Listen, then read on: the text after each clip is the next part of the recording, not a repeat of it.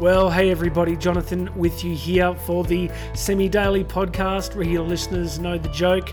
Uh, I get these done as often as possible, but I'm uh, doing some interesting stuff at the moment. I'm uh, doing a lot of stuff in global macro finance and central banking, as you do. COVID has uh, sort of raised my interest in a few new areas. So I'm doing some stuff in that space with a different podcast and uh, still doing a lot of stuff in the education space. So I, I still love doing this. I hope it's a blessing to the many of you still listening and uh, I uh, really appreciate that you do that.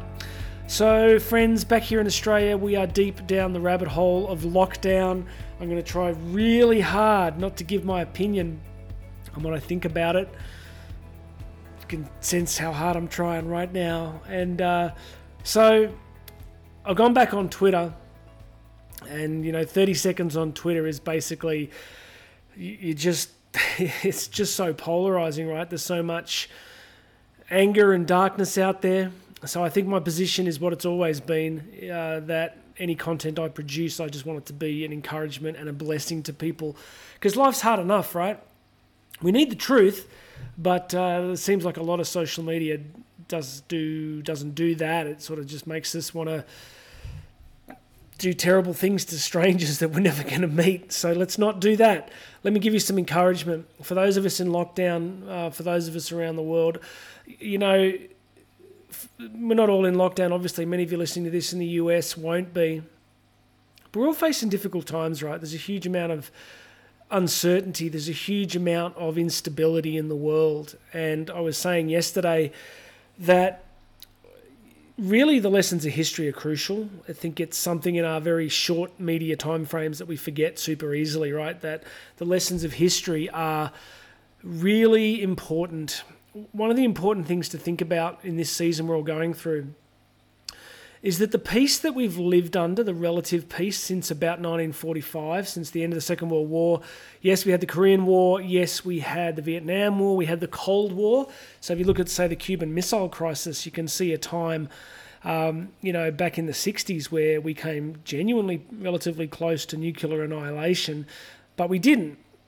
So the experience for most people in the world for close to the last kind of you know, you'd probably say 70 years, 75 years, has been one of relative peace, which is historically unprecedented. You know, the human experience has been one of a lot of conflict and a lot of tribalism and a lot of difficulty and the life that we encounter right now is relatively new in human history. So let's start from a position of gratitude, right? Things are difficult, but they're nothing like as difficult as they were at different times. Yes, we're going through COVID, but if you look at the bubonic plague back in the 16th century, you know that a third of Europe's population was wiped out, one third of the population. So yes, things are challenging. Yes, things are difficult, but uh, we're still living in pretty good times. So let's start from that position. I guess what might be useful in this episode is to simply talk about how do we really navigate difficulty, right? How do we navigate difficult seasons in life? Uh, Karen and I were saying recently that, you know, we look back over this last 18 months, two years, and it's probably been the hardest in our life. It started with uh, my accident. Uh, I don't know if you can see these on the camera, but, uh, you know, I got a whole bunch of metal in both sides. You can probably see the scars on my head still that's you know near death experience, right? And um, that put me in hospital for a long time, and then COVID happened, and then we lost the ability to travel, which hugely affected you know what we were doing around the world, and then we had homeschooling, and we had you know uh, challenges in our personal and family lives, uh, you know that were really quite quite significant, and you know suffering's kind of relative, right? So we've been through difficult times and you have too. And, and anybody listening to this or watching this we've all been through difficult seasons right? So we were talking yesterday saying what do you do? What do you do when things are really difficult? Um, you know we lost um, one of the kids of some family friends um, tragically took their own life recently and that hugely impacted us. And then we received some news this week that another uh, another young person had had uh, been lost as well in the same way, which hugely impacted us.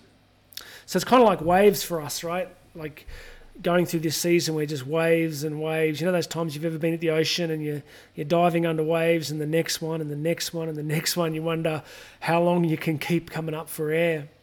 So that was the context of our conversation yesterday, and maybe some of you listening have been through something similar. So what do you do? So a lot of you know people have all sorts of different systems of coping with difficulty. Uh, I've often said on the on the show that uh, the standard ones are avoidance. So people avoid either through avoiding difficult conversations or people or situations. Uh, they avoid through drugs, alcohol, internet addiction, social media addiction. Avoidance is one, blame is the other. So when we're going through difficulties, we blame and attack the people that we feel are, are causing our unhappiness. So these are the standard human responses, right? So is there a better way? And here's what I'm going to suggest today. Well, the first thing I want to do is just switch to our daily quote, which I've been sending out to everybody. This is again from Adler, from Alfred Adler, who's my favourite uh, psychologist and thinker at the moment. Really quite brilliant. And uh, his quote is this Meanings are not determined by situations, but we determine ourselves by the meanings that we give to situations. Meanings are not determined by situations, but we determine ourselves by the meanings that we give to situations.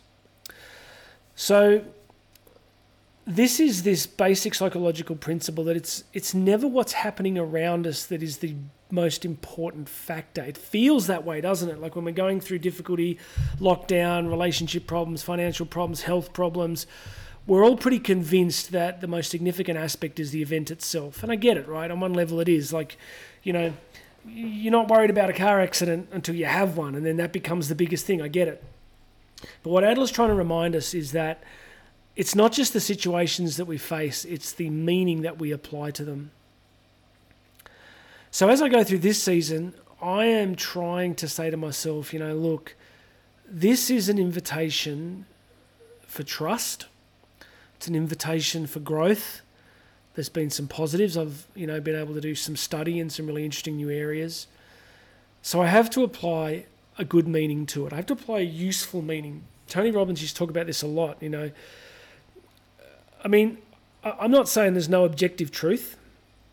I'm just saying that whatever we're facing, we can find an empowering meaning. And the ultimate example, as always, is Viktor Frankl. If you go back to his book, Man's Search for Meaning, you know, when he survived Auschwitz. And recently reading that other book, uh, The Happiest Man in the World, that just was amazing. Like this guy went through probably worse in a way than, than Viktor Frankl did in Auschwitz. And found some empowering ways out. So just take some confidence. So whatever you're dealing with in life, you can find a meaning. And I guess you're listening to me going, so what do you do? You just magically go, well, I'm going to believe this. I think you have, look, you're going to believe something, right? Like you're going to give meaning. I mean, humans are meaning giving, giving uh, creatures. You go back to prehistory. You look at our ancestors. You look at the you know ancient stuff in, um, you know, even in the earliest cave paintings going back hundreds of thousands of years we see humans trying to give meaning and narrative to what was happening around them. So I'm here in Australia, and you look at our indigenous cultures here, like many indigenous cultures in the world, they have these rich layers of meaning in terms of how they explain the world around them, right? So they have these foundational mythologies about how they. So there's something about us in terms of evolutionary psychology that we, we are meaning giving creatures we give meaning to the circumstances around us. So if that's true, if I'm right, which I think I am, at least you can look at the historical record, then the question simply becomes we need to apply meanings that are useful and empowering. It's not always easy to do, is it? It's not always easy in the midst of the difficulties to find that meaning. And maybe that's the price tag of a superior life. And by superior, as always, I don't mean better than other people, I just mean an enhanced quality of life. So, are there limits to this? Uh, you know, at what point do you say this is just terrible? You know, even if you get to the point of experiencing something in your life, maybe at the moment that is really terrible, then you can give it a meaning such as this can no longer be tolerated and I need to change and I need to change the situation. So that's one big thing, right? I want to say two things in this short message today. I hope it's short. I haven't got a timer in front of me. But uh, First one is to let's give good meanings to whatever we're going through. You know, Karen's freaking out because she's worried that we're going to get in lockdown here again next week, and then our three young kids are going to be back home for homeschool. And uh, I'm like, okay, well, you know what? First thing, if it's going to happen, it's going to happen. We can't control it. What we can control is the meaning that we give to it uh, and the structure we put around it and just make the best of it, okay? So it's just this decision, it's just this, you know, we all have habits, right? So it's this habit of whatever's happening to me, I'm going to find an empowering meaning. And I have had to train myself to do this. I haven't quite mastered it yet, but I'm, I'm definitely somebody that didn't start out this way. I've had to really learn how to do this. All right, last thing is if you're in lockdown or you're somewhere else in the world and life's difficult, really what I want to offer you is this 24 hour mentality. I'm just a big believer in this that fear is fundamentally related to perceptions of something happening in a future that hasn't happened, obviously, that we can't control. So there's a real paradox here, there's a balancing act. We need to keep one eye on the future. You know, all the work that I'm doing in finance and and global macro finance, like I spend a lot of time looking at the global macro financial outlook, right? So, yes, I have one eye on the future, but I only get to make choices while I'm, while I'm awake on any given day, right? We haven't yet mastered how to make choices while we're sleeping. So, one of the best ways to get out of anxiety and fear, I'll give you two tips at the moment. One is Stop reading too many news websites. They just, the psychology behind most of them. I mean, I try and really uh, locate high quality journalism and I pay for it. So I'm finding some really high quality writers on Substack and, uh, and other places. So you want to dial down your anxiety, dial down your access. So I, I haven't watched television news in probably 15, 20 years because you know, mainstream news, websites, and TV is pitching to the broadest possible demographic and it's pitching to that huge demographic mostly through fear. So, that one of the basic ways that you get attention and people's concentration is fear will do it more than anything else. So, if you want to dial down the stress in your life, the anxiety in your life, dial down the access to clickbait news and go looking for better news sources. And there really is some great journalism out there. And I think that the, the real shift at the moment is we're moving from a, a free access news system to a more user pays based news system. The upside of that is that it releases journalists to write some really good stuff and to be rewarded for it.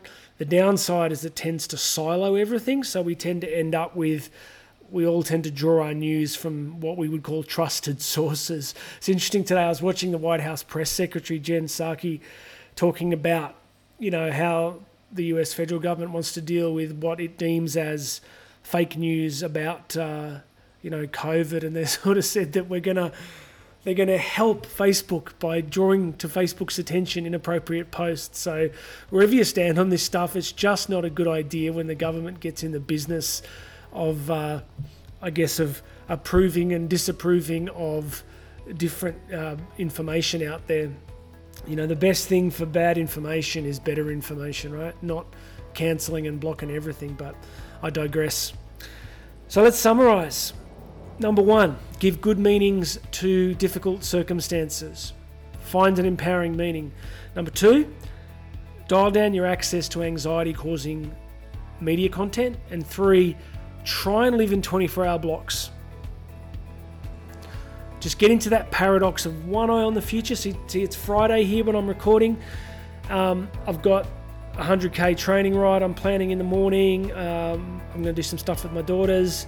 So I've got this kind of, I know what roughly tomorrow's going to look like, but I ain't there yet. You know, I'm just enjoying today. I've got some friends coming over later. It's, uh, it's terrible weather. It's almost snowing here in Australia today. Tomorrow is a maximum of six degrees, and uh, so we're gonna put the fire on this afternoon and just enjoy today. Just enjoy seeing a couple of friends because we're not in lockdown just yet. So I hope that's useful to you. One day at a time, empowering focus, reduce anxiety causing elements. All right, housekeeping. Uh, I'm back on YouTube, so you, if you're seeing this on YouTube, please subscribe, hit the notification icon Uh, everything else on the website, jonathandoyle.co.co. Uh, if you're stuck with something, if there's a topic you'd like me to cover, just send me an email, jonathan at jonathandoyle.co. Hope this is a blessing to you. Please make sure you've subscribed wherever you're watching or listening, and I'll have another message for you very soon.